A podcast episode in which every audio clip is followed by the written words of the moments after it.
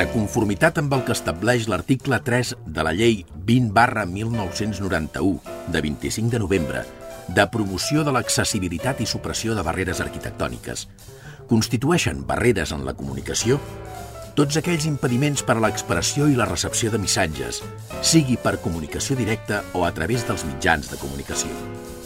És per això que, emparant-nos en aquesta llei, volem que cada ciutadà gaudeixi del seu propi espai per moure's.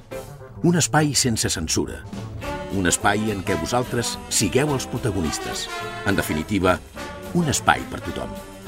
Benvinguts a Espai Vital.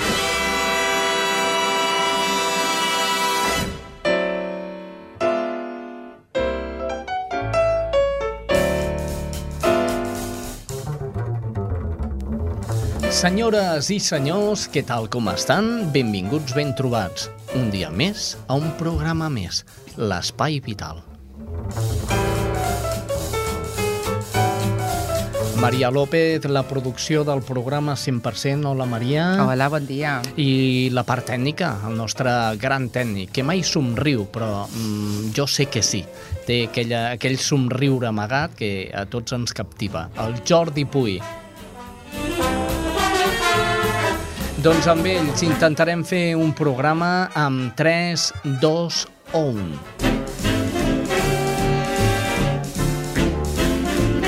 Estàs escoltant Espai Vital.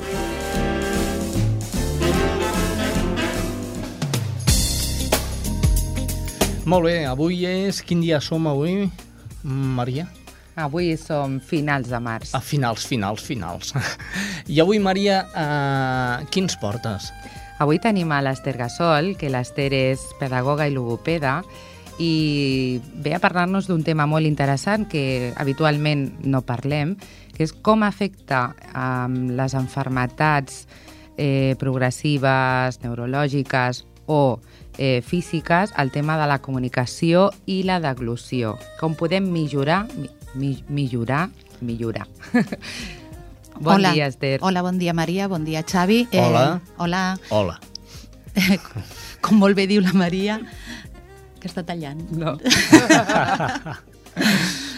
Bueno, com molt bé diu la Maria, jo sóc logopeda, estic especialitzada en problemes de comunicació i llenguatge i em va convidar a venir a parlar amb vosaltres de les malalties neurològiques que avancen en el temps, que són progressives i com afecta doncs, a, a la comunicació i al llenguatge. I llavors, com a logopedes, doncs, sí que treballem aquest aspecte, sobretot per als problemes d'articulació i per als problemes de deglució. Molt bé, malalties com Parkinson... Sí, eh, Parkinson, l'esclerosi múltiple, l'Alzheimer i bueno, també altres malalties que són adquirides, que no són pròpiament neurològiques progressives, però cada vegada tenim més ictus, tenim accidents cerebrals vasculars també, tumors que també causen afàsies i disàrtries. I aquestes no són progressives, però són sobtades i també tenen molta influència a la societat. Eh, jo ara preguntaria, quines malalties són el top 10 dels problemes a, a, vocals, per exemple? A nivell neurològic? Sí, home. Doncs les tres que hem nombrat. El La- Parkinson afecta moltíssim a la parla, Mhm. eh, l'esclerosi múltiple també i, i l'Alzheimer. L'Alzheimer més bé a nivell de cognitiu, a nivell d'organització del pensament i de poder fer les frases, no tant a l'articulació, però el Parkinson i l'esclerosi i les afàsies també, vull dir, l'ictus. A l'ictus també hi ha gent que deixa de parlar després de tenir un accident vascular. Les malalties aquestes són Sí. cròniques i, Sí. com bé diu la paraula, neurodegeneratives. Sí, en el temps, Eh, sí. Podem millorar eh, la qualitat de vida a nivell, a nivell eh, logopèdia a una persona i que de cop i volta eh, torni un altre cop enrere? Oh. Home, com és progressiva sí que poden haver recidives i poden anar cap enrere, però si sempre hi ha un fisio i un logopeda al costat, eh, el que s'intenta és que s'augmenti la qualitat de vida i parar la sintomatologia, parar-la o millorar-la, però sobretot millorar la qualitat de vida. I per mi el que més m'angoixa és el tema de, de la deglució, de que la gent pugui fer aspiracions i es pugui ofegar. I per això penso que és tan important el paper de logopeda, que ensenyi a menjar, que ensenyi a deglutir, no només a parlar, el tema de la deglució perquè no hi hagin doncs, falses rutes i es pugui morir aquesta gent. Hi ha gent que es pot ofegar. La persona amb aquestes malalties Sí. és important que visiti a un psicòleg per començar? Uf, jo penso que ha de ser multidisciplinar. Han de passar primer per al neuròleg, han de passar per un radiòleg. Si hi ha problemes de deglució, ha d'anar al radiòleg que li faci una, una videofluoroscòpia que es diu, Mm. per veure en quin moment de la deglució aquesta persona doncs, pot fer una aspiració i es pot ofegar. Després també tenen que anar al psicòleg, al terapeuta ocupacional, eh, tenen que anar a qualsevol especialista que els hi asseguri una millora de qualitat de vida i sobretot la voluntat de la persona.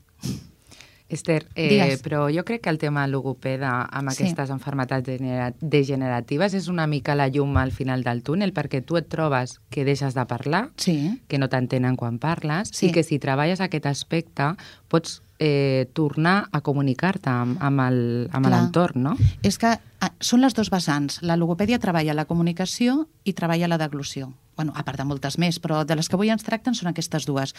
Una persona que té un ictus i deixa de parlar, surt d'un coma i deixa de parlar, el primer que vol és comunicar-se, vol dir com se sent, vol dir com es troba, i en aquí està el paper del logopeda. El logopeda li té que treure la veu, li té que treure les frases, perquè potser aquesta persona té la idea en el cap del que vol dir però no pot. Llavors l'has d'ajudar tu, no només a la fonació, sinó a organit organitzar el pensament i que tornin a parlar.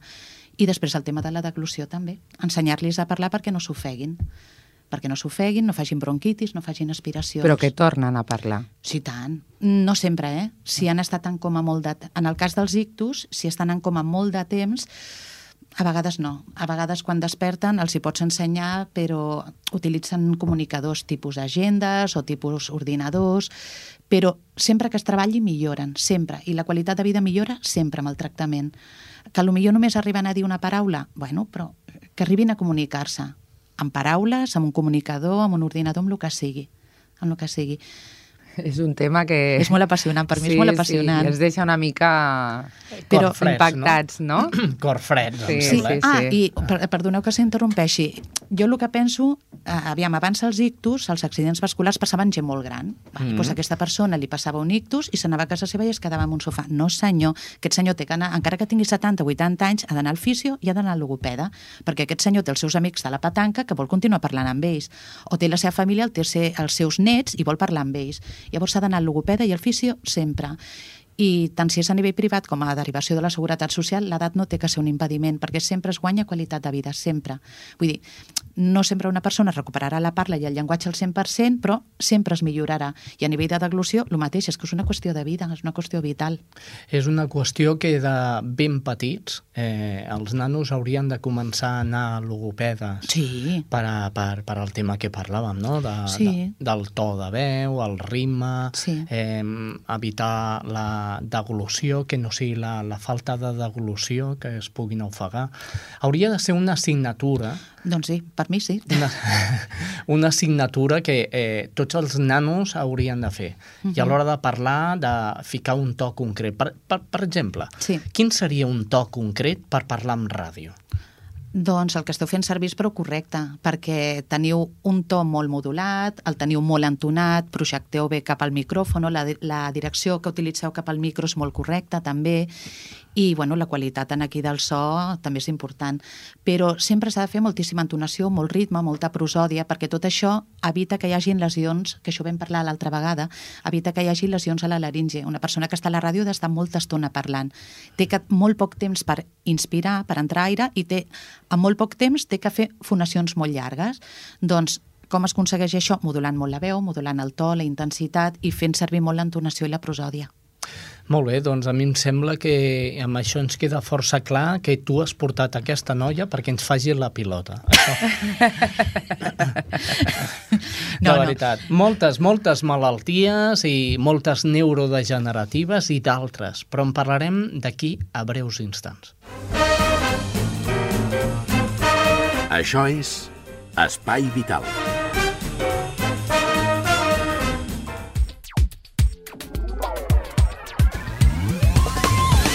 Anem amb un tema que a mi em fa realment il·lusió. Parlem de la diversitat funcional, però no que em faci il·lusió la diversitat, sinó que eh, hi hagin projectes que s'endeguin per tal d'accedir a la serra de Collserola i que s'adapti eh, tot el camí de Collserola per persones amb diversitat funcional. Aquesta és una informació que ens la costa el Toni Álvaro. El Parc Natural de la Serra de Collserola es fa accessible. L'obra social La Caixa i la Diputació de Barcelona han presentat un projecte d'accessibilitat al parc per tal de facilitar el gaudi d'aquest espai per part de les persones amb discapacitats, independentment del grau de mobilitat reduïda o de disfunció sensorial que tinguin. Per parlar d'aquest projecte tenim amb nosaltres el senyor Pep Mascaró, arquitecte i cap del Servei de Projectes i Obres del Consorci del Parc de Collserola. Senyor Mascaró, bon dia. Sí, bon dia. Uh, expliqui'ns una mica en què consisteix aquest eh, projecte per fer el Parc Natural de la Serra de Collserola molt més accessible. Uh, bé, de fet té dues parts. Uh, una part que realment uh, uh, hi portem treballant durant molts anys, que és la de mm, fer la mínima accessibilitat que tant les àrees de lleure, els àmbits d'estada eh, i els equipaments del parc necessiten perquè gent doncs, amb dificultats, eh, sobretot de, de, de mobilitat, puguin accedir-hi eh, i això eh, eh, últimament les, les obres que hem anat fent doncs, ja ho han anat incorporant i encara queden altres elements doncs, per, per incorporar-ho. Eh, I l'altra part que és potser la, que, eh, la més espectacular, que l'hem inaugurat, que és mm, un itinerari tractat intensament, eh, Eh, tant amb els ferms com amb, els, eh, amb la senyalització de Braille, etc, perquè gent, eh, amb, amb, eh, gent amb discapacitat total doncs, de moviment i, eh, i, de, i de visió puguin ells sols adentrar-se, endinsar-se eh, a un fundal, eh, tocant a l'estació del baixador de, de Vallvidrera mm, i eh, gaudir al màxim de la, de la natura. Són, són aquests, dos, eh, aquests dos aspectes eh, dels quals aquest segon, evidentment, doncs, ha, ha sigut una mica, potser, eh, el més espectacular i el que pot portar doncs, a altres actuacions d'aquest tipus. No? És a dir, per una banda s'estarien fent treballs d'accessibilitat a equipaments, a edificis que sí. estan dins del parc i a l'altre que ens agradaria aprofundir en tot cas més en què consisteixen aquestes accions o actuacions a l'entorn natural en si mateix per fer-lo més accessible. Bé, el de la segona, el de la segona part eh, ha sigut fer un camí, eh, un camí eh, dur, amb, amb paviment dur, però amb, amb una aparença eh, doncs de, de tou, o sigui, eh, composat doncs, bueno, un reciclat sòlid, eh, uns additius estabilitzadors i ciment, i eh, d'aquesta manera, eh, sense desnivells eh, superiors a un o dos centímetres, la persona amb cadira de rodes pot accedir perfectament. Per altra banda, mm, eh, també eh, aquest propi camí té com un sòcol que mm, permet a la persona sense visió, doncs amb el bastó, anar seguint aquest mateix camí i en punts eh, eh, interessants en el que hi ha, per exemple, doncs, uns quants arbres singulars, etc. Hi ha també un cartell, un cartell amb, amb barali i amb, i amb alfabet doncs, de lletres, que mm, eh, explica en quin ambient es troben eh, i on es troben. Aleshores, això, eh, en aquest que hem inaugurat fa poc, gràcies a, a l'aportació de la Caixa i la Diputació, doncs té una longitud de eh, 800 metres aproximadament, dels quals 500 són eh, per cadira de rodes i per, i per secs, i 300 doncs, només són per secs perquè llavors ja hi ha escales eh, i ja és, és impossible en aquests moments per, per les cadires de rodes. És a dir, són actuacions, en principi, fetes, pensades amb gent amb diferents graus de discapacitat, però que en sortim beneficiats tots? Eh, bé, de fet, la teoria és aquesta. Eh, quan es parla d'accessibilitat universal, eh, tothom tenim graus de deficiència major o menor. Eh, llavors, doncs, es tracta de que tant siguin nens, gent de mitja edat, gent gran, gent amb més o menys eh, discapacitat motriu, gent amb discapacitat més o menys doncs, eh, de, de visió, eh, que ho puguin eh, fer eh, servir tothom. La base és aquesta, és no fer una discriminació.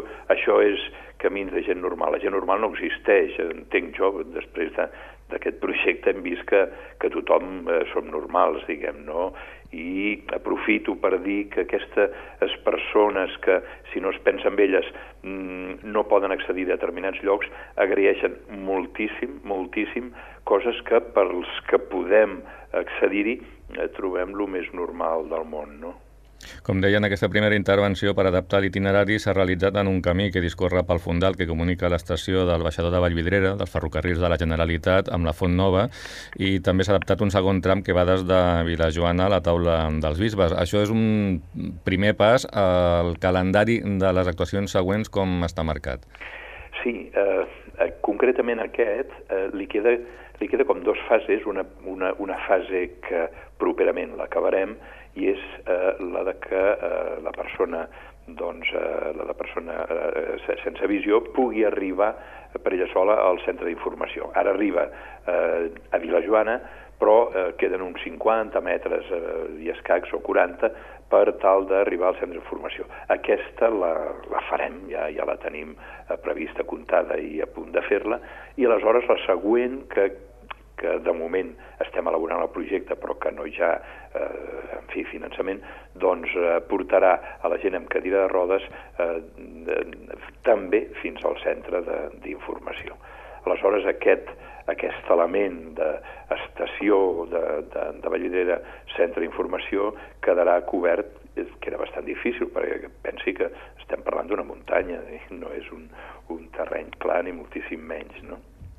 Estem parlant d'adaptació d'itineraris, però suposo que també, a banda, aquests itineraris estan connectats moltes vegades per àrees de lleure, miradors i espais en afluència i d'estada. Això també s'adaptarà? Sí, eh, la major part de les àrees de lleure estan adaptades. Eh, queden alguns, eh, alguns elements per fer, com alguna petita rampa, com alguna senyalització horitzontal o vertical, eh, però eh, com marcar eh, places doncs, d'aparcament per, per, per, per minusvàlids, Mm, això s'està ja elaborant i treballant i fent, i aleshores, eh, certament, en algunes àrees de lleure hi haurà, podrà haver-hi algun itinerari específic, eh, una mica com el que estem parlant, amb alguna, i amb algunes altres no, perquè la realitat de la muntanya, doncs, eh, no ho permet, però sí que, en canvi, eh, tots aquests elements públics doncs, d'acollida de, de, de gent han de tenir uns mínims d'accessibilitat. I llavors hi ha un altre tema molt important en aquest tema d'accessibilitat, que és la informació. La gent amb disminucions agraeix també moltíssim eh, el que se l'informi de, de, de si pot anar-hi o eventualment si no pot anar-hi, perquè si no llavors eh, té, té un xasco, té, té, té problemes. No? Suposo que també deu ser voluntat d'aquest projecte que aquestes actuacions a l'entorn no siguin agressives i que, de fet, ajudin a millorar aquest entorn natural i a recuperar-lo. Sí, efectivament. Jo sempre explico que vaig quedar molt, molt sobtat per una per una reflexió que em va fer una persona sense visió, que va dir mm, no ens agradaria, els que tenim alguna, uh, algun, alguna mancança, que fóssim responsables de fer malbé per poc que fos la naturalesa, la natura. Mm, uh, la vaig trobar absolutament sensata. Per tant, ens hem de moure entre l'equilibri de, de no fer malbé la naturalesa a causa de, uh, de, de, de, de dificultats d'accessibilitat i l'altre terme de l'equació és fer que puguin gaudir al màxim possible aquestes persones de la naturalesa. I ens movem en aquest, en aquest entorn, sí. Sí, podríem dir que es tracta de fer la natura accessible i no posar-li portes. Exactament, i no posar-li eh, doncs, masses baranes, ni barreres, ni elements així, sinó, mm, sí, fer, eh, trobar, trobar un equilibri que eh, ells mateixos eh, eh, vaja, un, aquesta persona va fer aquesta reflexió, a mi em va encantar, diguem, eh, aquesta, aquest grau de, de, de, en fi, de, de, de realisme, no? Ja per acabar també voldríem tocar un tema ni que fos eh, en modo de, de puntualització, és també la, la doble vessant d'aquest projecte, per una banda aquests treballs d'accessibilitat i per altra banda els responsables de tirar endavant aquests projectes d'accessibilitat amb un programa també d'inserció laboral, que és força important. Sí, sí, això va ser una, una suma va ser una suma. Eh, efectivament, doncs, Canset i Trini Jove, empreses de reinserció social, han, eh, han treballat en aquest projecte que, insisteixo, no és un projecte fàcil d'executar de, perquè té tecnologia, mm, en fi, vull dir, eh, doncs, eh, avançada com pot tenir-ho tants altres projectes. I aquestes persones doncs eh, s'han integrat absolutament en, en, en, aquest, en, aquest, eh, en aquests projectes i, mm, en fi, ha sigut també eh, sorprenent eh, doncs, eh, el grau d'implicació que això comporta i, per tant, eh, no sé, entenem que això és una suma, una suma absolutament positiva d'aquests dos, eh, dos objectius, no? Senyor Pep Mascaró, arquitecte i cap del Servei de Projectes i Obres del Consorci del Parc de Collserola, moltíssimes gràcies i molt bon dia. Gràcies a vostès, bon dia.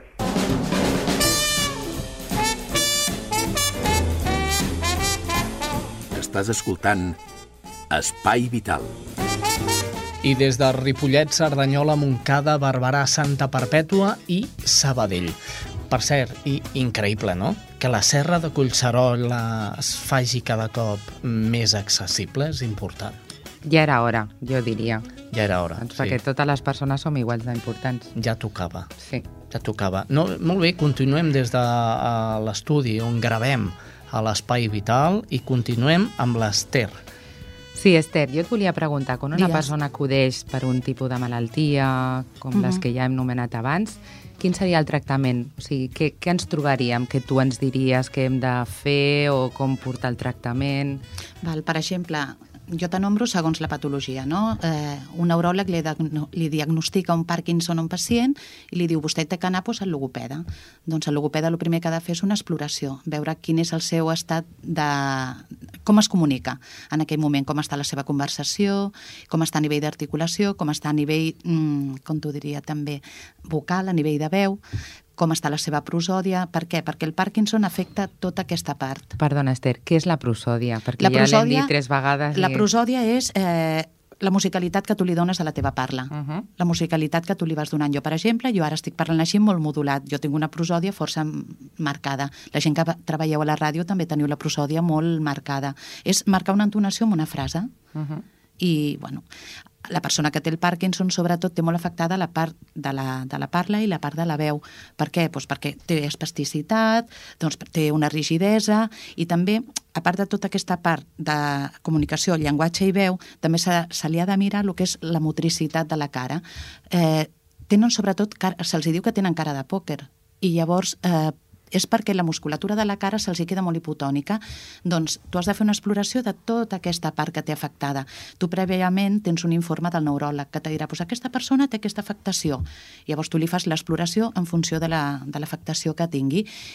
Després d'aquí fas tu un, una orientació diagnòstica i una previsió de tractament. Tot això tu li comentes a la família i li comentes al propi pacient. Li dius, mira, treballarem això, te treballaré això de la respiració, perquè si respires bé parlaràs millor.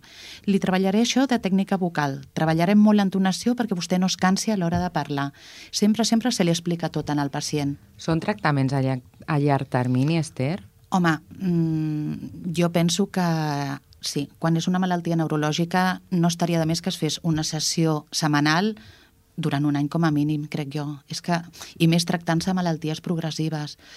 Jo en el Parkinson, com és una malaltia que en el temps eh, va decaient força, doncs jo almenys mm, un dia a la setmana sí que faria. I si no, menys temps, però donar unes pautes per seguir a casa la família o el cuidador. I això en el Parkinson, això també podria ser l'esclerosi múltiple i això podria ser l'Alzheimer. I en els altres casos de malalties adquirides, com pot ser eh, una fàcia per un ictus, doncs també això s'ha de valorar amb la família. Quan més tractament donguis la persona, mm, millor adquirirà la comunicació i, i millor estarà com abans. És que la persona vol estar com abans. Una persona que té una malaltia neurològica vol ser com abans, vol parlar com abans, vol llegir com abans. Llavors, el primer que has de fer quan t'arriben a consulta és una entrevista i una exploració. D'aquí tu fas un, un diagnòstic, un, planteges una sèrie de, de treball, ho comentes amb ells i és el que fas en el dia a dia. I el treball sobretot abarca el que et vaig comentar, un control postural, un control respiratori, treball vocal, el treball d'entonació, el treball de discurs, lectoescritura si la persona t'ho demana, o si tu veus que és una persona jove i vol llegir el diari, lectoescritura també li treballaries. Molt bé, doncs jo em sembla que ens faltaria ja un telèfon de contacte, una plana web, que sabem que està en construcció. Està en construcció Està en encara, construcció, sí. però- Sí, perquè Per a la persona que, que vol anar al logopeda, eh, no és dir jo cojo i me voy al logopeda, o sí, directament. O, o és recomanable que passi primer pel seu metge...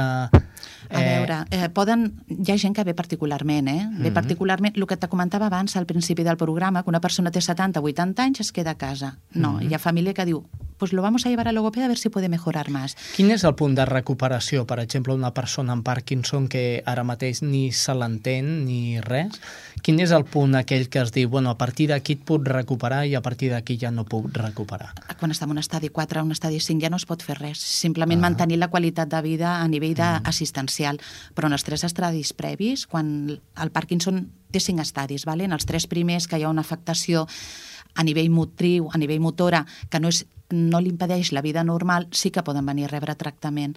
Ara, quan estan en fases avançades, no, perquè el que aquesta gent vol és, és estar tranquil·lets, que no els moguin molt, perquè realment els hi costa iniciar un moviment, els hi costa iniciar la parla, i el que volen és estar tranquil·lets. Però en les fases les tres primeres fases d'un Parkinson sí que se li pot treballar, inclús tu li pots preguntar al pacient què és el que vol treballar, i et dirà, pues yo quiero seguir leyendo, pues li treballes la lectura, Uh -huh. i li fas recuperar la lectura, perquè sí que hi ha mort neuronal quan hi ha una malaltia d'aquest tipus, però el cervell hi ha interrelació per tot arreu, llavors es poden recuperar funcions que s'han perdut a mesura que es van relacionant de manera diferents, perquè el cervell té moltes neurones que es moren, però hi ha moltes que es poden relacionar en altres àrees i llavors tu pots recuperar una funció perduda. Tu pots tenir una anòmia, no pots recordar el nom d'una paraula i tu pots acabar dient una altra vegada el nom d'aquesta paraula. Jo ho sento, Esther, eh? però eh, em foto un lío cada cop que parles tu, eh, amb, les, què? amb les paraules que ens diu anòmia, disfàcia, disàrtria... Anòmia, anòmia és fàcil, és que no te'n recordes Del el nom nom. d'una paraula. Anòmia, Ah. nom, a, que no. Sí, sí, sí. Ja tenemos la productora para todo, Home, eh? és, la, la Maria i jo ja hem parlat d'això també. Sí, és que a part la Maria ho ha patit amb, amb carns, tot Ah. aquest tema, llavors ho coneix una mica. Esther, un Digues. telèfon. Uh, jo estic a Cerdanyola i sí. el meu telèfon és el 93 580 88 61. Ah, bueno, el que me preguntaves abans, la gent Sí. pot venir per privat, però normalment els deriva al, al neuròleg o a l'otorrino. L'otorrino també fa moltes derivacions. Sobretot quan hi ha eh, problemes de veu i de deglució, les fa al, a l'otorrino o a l'estomatòleg també. Uh -huh. Llavors depèn. Esther, repeteix-nos el telèfon, sisplau. 93 580 88 61. Doncs amb aquest telèfon ens volem quedar, no tenim temps per més. Uh, Esther Gasol, eh, gràcies per haver estat avui a l'Espai Vital.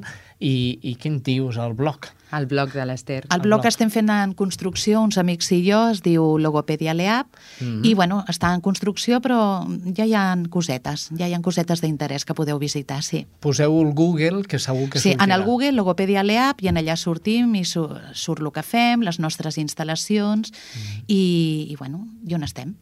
Molt bé. Doncs Esther eh, Gasol, gràcies Moltes per haver gràcies estat a avui vosaltres. a, a l'Espai Vital i esperem que més endavant tornis a venir perquè ens hauràs de fer logopèdia amb nosaltres. al Moltes gràcies, jo quan vulgueu, estic encantada de venir.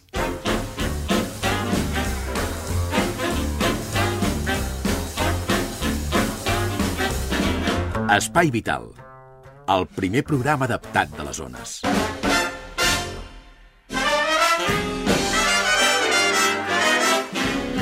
Què us sembla si anem a fer un vol per als pobles d'aquí al voltant? Eh, Maria? Sí, i tant. Anem a conèixer quines són les últimes novetats en quant a la sanitat, fins i tot eh, la solidaritat. Eh, punts importants, punts destacats a la roda informativa de l'Espai Vital. Comencem per Ripollet, allà es troba la Reme Herrera. Hola, Xavi. Aquesta setmana ha estat notícia a Ripollet unes millores realitzades pel personal de la Brigada Municipal d'Obres i Serveis de l'Ajuntament a l'aula d'informàtica del Casal Municipal d'Avis. Aquesta actuació ha consistit en fer un canvi d'ubicació, passant l'aula a la primera planta. Això ha permès l'ampliació de l'espai en un 60% i, conseqüentment, també permetrà ampliar en un futur la capacitat d'instal·lació d'ordinadors pels usuaris. Recordem que aquesta aula s'utilitza, entre altres coses, per realitzar els cursos d'iniciació a la informàtica que organitza la Regidoria de Serveis Socials dins el programa Gent Activa. Concretament, aquest mes de març s'ha iniciat un que s'allargarà fins al juny i que s'imparteix tots els dilluns a la tarda. L'objectiu d'aquest taller és afavorir l'accés de les persones grans a les noves tecnologies. A banda d'informàtica, Gent Activa també compta amb tallers de memòria, de comunicació i conflictes i de lectura.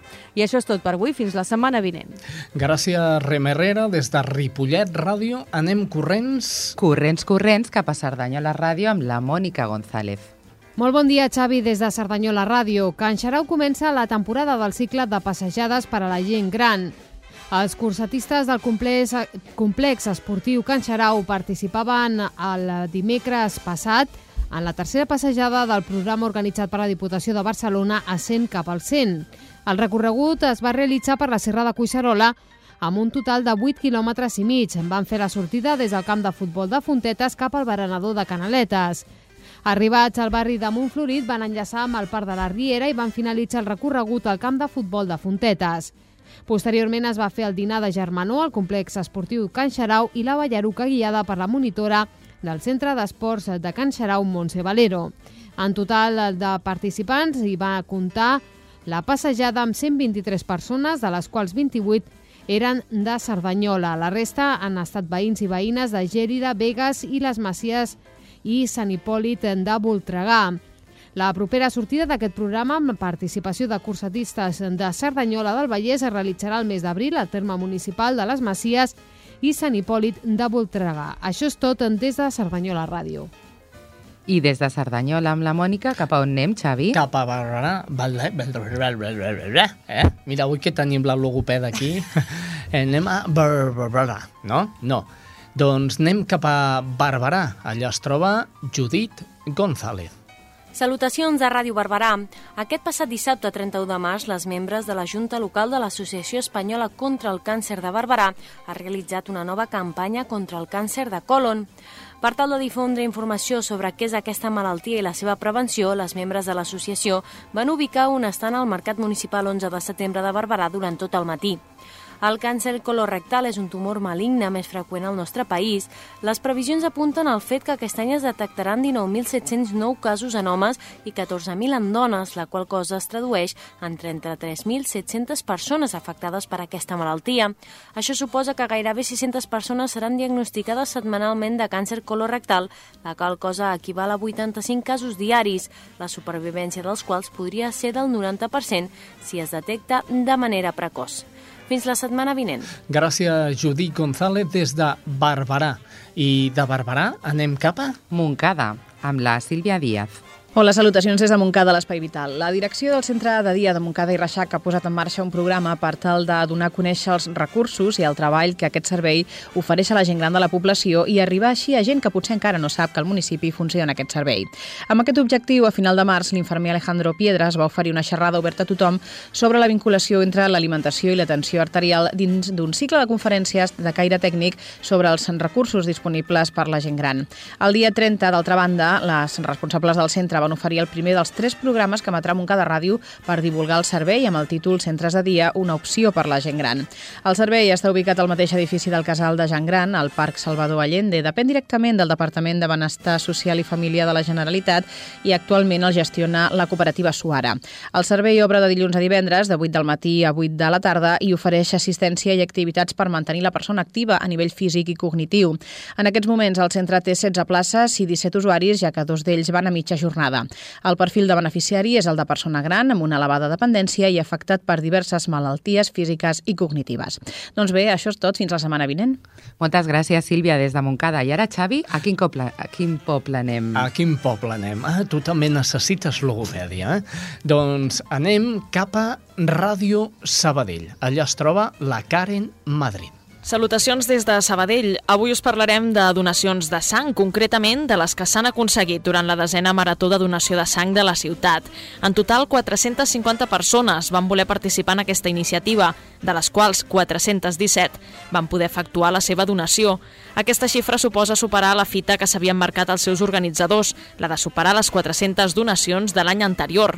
Una altra dada positiva és la de nous donants. Se'n van registrar 70 respecte als 40 de l'edició passada, la meitat dels quals havien fet la seva donació des de l'Institut Castellarnau. Des del Banc de Sang se senten molt satisfets amb aquesta dada, ja que suposa ampliar el nombre de donants de cara a possibles futures campanyes. És tot des de Sabadell. Cada 5 segons algú es queda sec al món. Cada minut, un nen. El 75% d'aquesta ceguesa es pot prevenir o curar. La Fundació Ulls del Món contra la ceguesa evitable en territoris sense recursos. Ajuda'ns a fer arribar a més ulls el dret a la visió. Ulls del.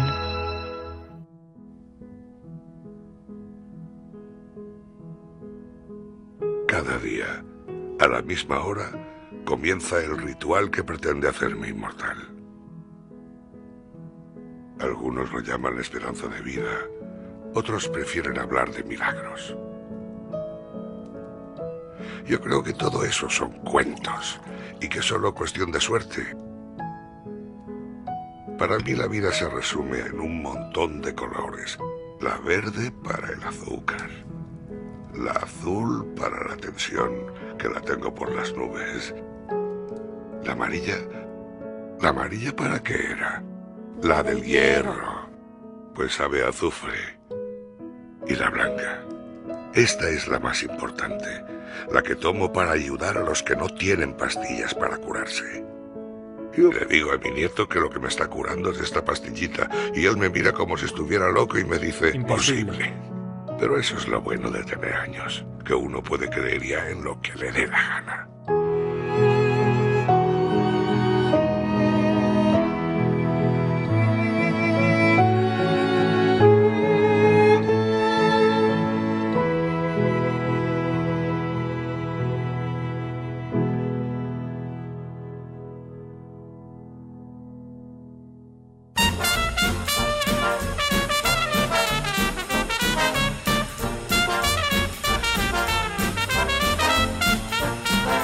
Espai Vital.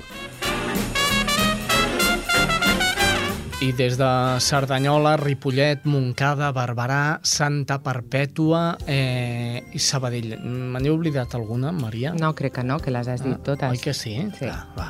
Molt bé, és el moment de la Maria i el moment d'alta sensibilitat, una vida rota por el ictus. Una noia amb 24 anys que va patir un ictus i va tenir una vida um, cruel, diguem-ho així, fins que... Bé, no us explico el final, que si no... Llavors per què l'escolteu, si no? Doncs mira, alta sensibilitat, Maria López a la veu de Isabel Palomeque. Escoltem-lo. A continuación, les ofrecemos Alta Sensibilidad, un libro sobre el ictus. Alta Sensibilidad, un libro de Isabel Palomeque, escrito en primera persona y llevado a la radio de la voz de María López. Una producción de Spy Vital.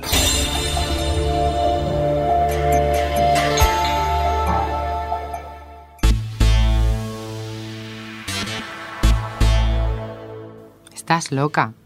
Había comunicado a mis padres que pensaba ir a la nieve, a esquiar con mi hermano Diego. Estás como una cabra. Los pobres no sabían decir nada más. No podían concebir mi proyecto y sobre todo no sabían cómo hacer para que la idea se me fuera de la cabeza. Me conocían y eran conscientes de que no me echaría atrás. Ahora vas bastante bien con la recuperación. ¿Es que quieres romperte un hueso y empezar de cero? ¿O peor todavía, no poder recuperarte? El miedo de los que me amaban estaba justificado. Mi cuerpo es todavía a estas alturas una máquina delicada, que necesita de un mantenimiento constante para evitar la atrofia, la rigidez o la insensibilidad. Estos eran los tres enemigos contra los que luchaba constantemente a través de la fisioterapia. Para esquivarlos, había recurrido a terapias alternativas como la acupuntura o la hipoterapia, pero el balance no era demasiado esperanzador.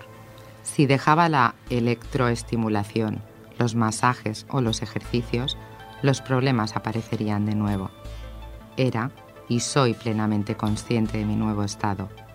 Pero, ¿debía poner más límites de los que el ictus ya me había hecho ver?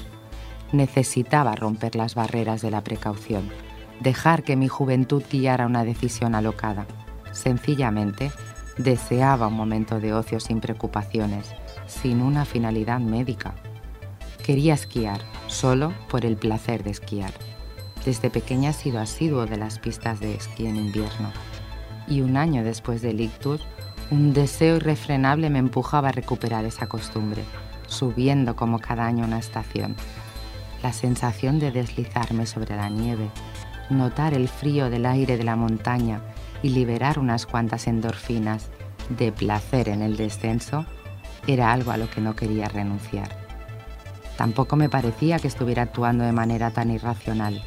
Había pedido a mi hermano que me acompañara y juntos nos habíamos informado sobre una pista especial que hay en La Molina y que usan los paralímpicos en sus entrenamientos. Dentro de mis límites no pensaba dejar pasar ninguna oportunidad. Así es que Diego y yo nos dirigimos a la estación y en un santiamén estaba haciendo contorsionismo para conseguir mantener el equilibrio sobre dos piernas con estabilidades diferentes. Usar básicamente solo un palo también es toda una proeza de la cual salí victoriosa. Me sentía eufórica por no haberme dejado acobardar o quizás por haber recuperado una tradición personal del pasado en el que esquiaba casi cada fin de semana. Semanas después, Arrastraba a mis padres de nuevo a la molina. En esta ocasión, la salida me sirvió para aprender una de las lecciones más duras para un enfermo crónico. Todavía hoy no sé qué pasó. Me puse los esquís y con cuidado reproduje cada uno de los movimientos que había aprendido, pero supongo que debía de resbalar sobre el hielo, o sencillamente aquel día mi flexibilidad no estaba al 100%. El hecho es que caí y el impacto fue bastante fuerte y desafortunado, tanto que me rompí el codo del brazo derecho. Mi sensibilidad en esta extremidad es bastante reducida.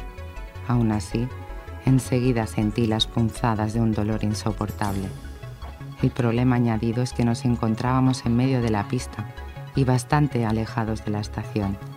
Descender con aquel dolor lacerante en el brazo y usando a mi madre como muleta nos hizo vivir momentos de extrema tensión y dramatismo. De pronto, me recordé a mí misma en la habitación del Valdebrón, intentando ponerme de pie para ir al servicio y viendo reflejada mi imagen en el espejo. Aquella imagen distorsionada y monstruosa que nunca me he sacado de la cabeza. Entonces, mi madre me cogía medio en brazos consolándome.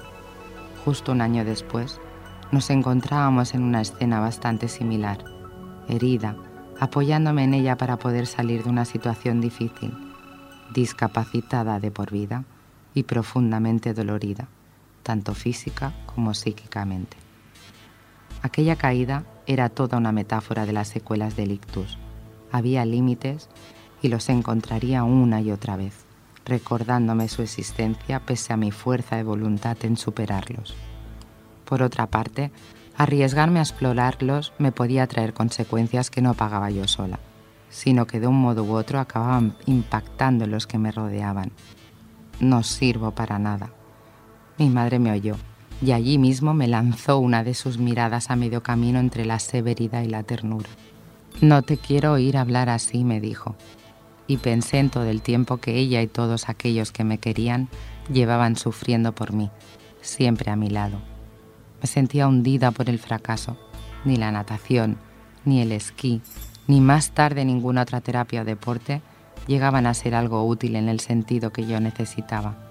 Hacía meses que me sentía estancada en mi rehabilitación, prisionera de las discapacidades producidas por el ictus y no sabía cómo encontrar un camino. Además, esta misma desesperación se la había contagiado a mi madre. La miraba a los ojos, y veía la obstinación, la misma voluntad por encontrar una salida que me ayudara a mejorar, a sentirme útil y, en definitiva, a tener ganas de vivir. Y hasta aquí, Alta Sensibilidad, un libro sobre el ictus.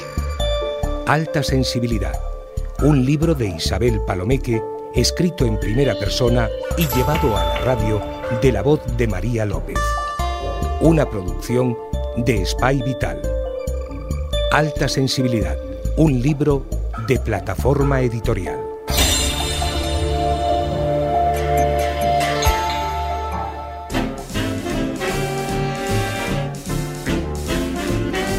Estàs escoltant Espai Vital. Per qualsevol suggeriment, queixa, eh, felicitació, teniu un mail al qual ens podeu escriure. Maria, Quin és aquest mail? El nostre mail és radio espai vital tot junt arroba telefònica.net. Podeu escriure'ns i explicar-nos el que vulgueu. Molt bé, i una adreça de, del blog d'Espai Vital. I al nostre blog, on podeu descarregar cada setmana el programa online, si no el podeu escoltar, és radio-espai-vital blogspot.com i una manera més senzilla és posar al Google Espai Vital i la primera opció som nosaltres. Doncs ja ho teniu, totes les maneres de posar-vos en contacte, tant visual com a nivell escrit, a l'Espai Vital. I us podria donar el meu telèfon, però m'emprenyaríeu massa. Molt bé, doncs arribat a aquest punt, que us sembla si anem a escoltar la cuina de Conxita Naudi? Jo no sé quin plat ens porta, no sé, però fa bona oloreta, eh? Jo l'estic sentint des d'aquí. Molt bé, doncs vinga, Conxita, som-hi. Hola, Xavi. Avui et porto una recepta que és molt adient pels dies que vindran. Et faré la clàssica crema de Sant Josep.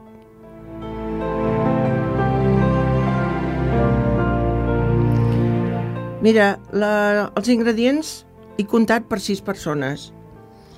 Necessitareu 8 rovells d'ou, 1 litre de llet, 400 grams de sucre, canyella en branca, una pell de llimona i 50 grams de maicena.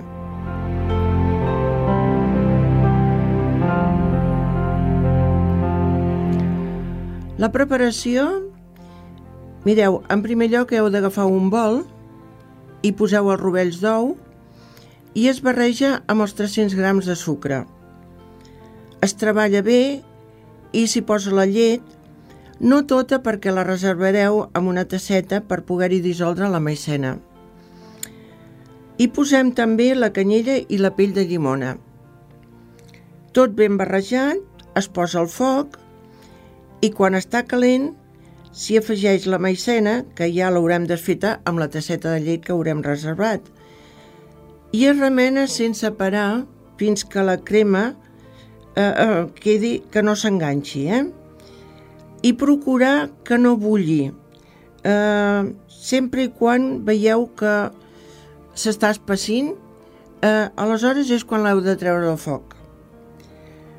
Eh, seguidament, amb una plata, retirareu la pell de llimona i la canyella i en aquesta plata hi tirareu la crema, la deixareu refredar i tirareu per sobre el sucre i abans de servir-ho, si us agrada, la podeu cremar amb una placa de ferro.